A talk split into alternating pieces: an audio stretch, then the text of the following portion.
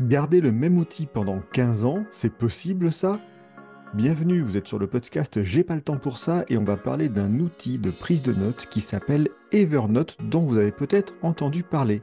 Et en l'occurrence, en ce qui me concerne, cela fait effectivement 15 ans que je l'utilise depuis juillet 2008 pour stocker et retrouver un certain nombre d'informations. Vous avez ici le slogan historique, on va dire, d'Evernote, Remember Everything, qui était vraiment la proposition de base, vous souvenez de tout, et par rapport à ce qui nous concerne, et puisqu'on est dans ce podcast sur l'organisation, on parle de deux choses qui vont être fondamentales. Le premier élément qui est la capture, et le deuxième c'est le stockage.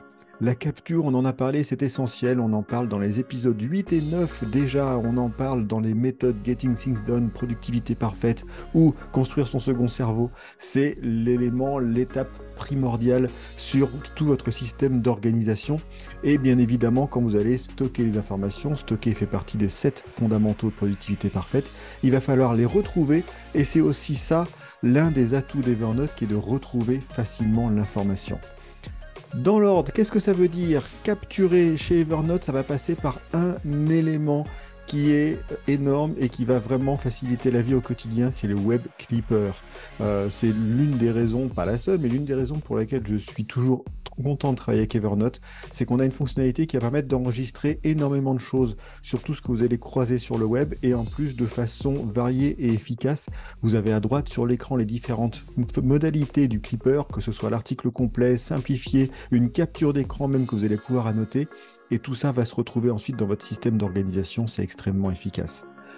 Il n'y a pas que le Keeper, bien évidemment. La première façon très logique de créer des notes, bah, c'est simplement d'appuyer sur le bouton et taper du texte. Mais on a aussi plein d'autres façons. Vous allez pouvoir prendre une photo avec votre téléphone et l'envoyer directement dans une note. Ça va être tout simple. Vous allez pouvoir vous envoyer un email avec une adresse mail dédiée et donc transférer les mails. Si vous préférez, au lieu de transférer les mails, il y a l'intégration Gmail qui existe également et qui permet de faire ça directement.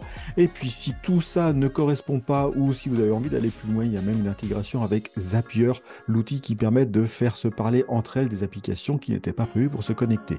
Donc on a vraiment plein de possibilités pour capturer. C'est l'un des éléments clés qui va vraiment faire gagner du temps.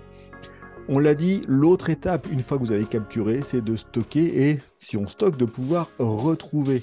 C'est là aussi où Evernote tire son épingle du jeu. Remember Everything, c'est pas usurpé.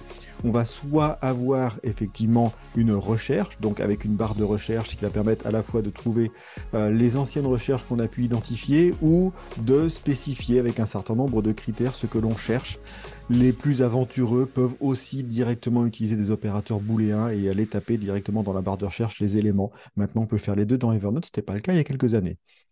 Et l'un des points qui est loin d'être négligeable et qui est super intéressant, c'est que ces recherches potentiellement complexes que vous avez faites, vous allez pouvoir ensuite les sauvegarder. Donc enregistrer les termes de ma recherche, ce qui fait que bah, vous allez pouvoir structurer euh, les informations sur le dernier voyage que vous avez fait, les notes de frais que vous avez enregistrées, les derniers étudiants que vous avez rencontrés, et tout ça, avoir tout ça dans une euh, recherche sauvegardée qui va vous permettre de la retrouver facilement.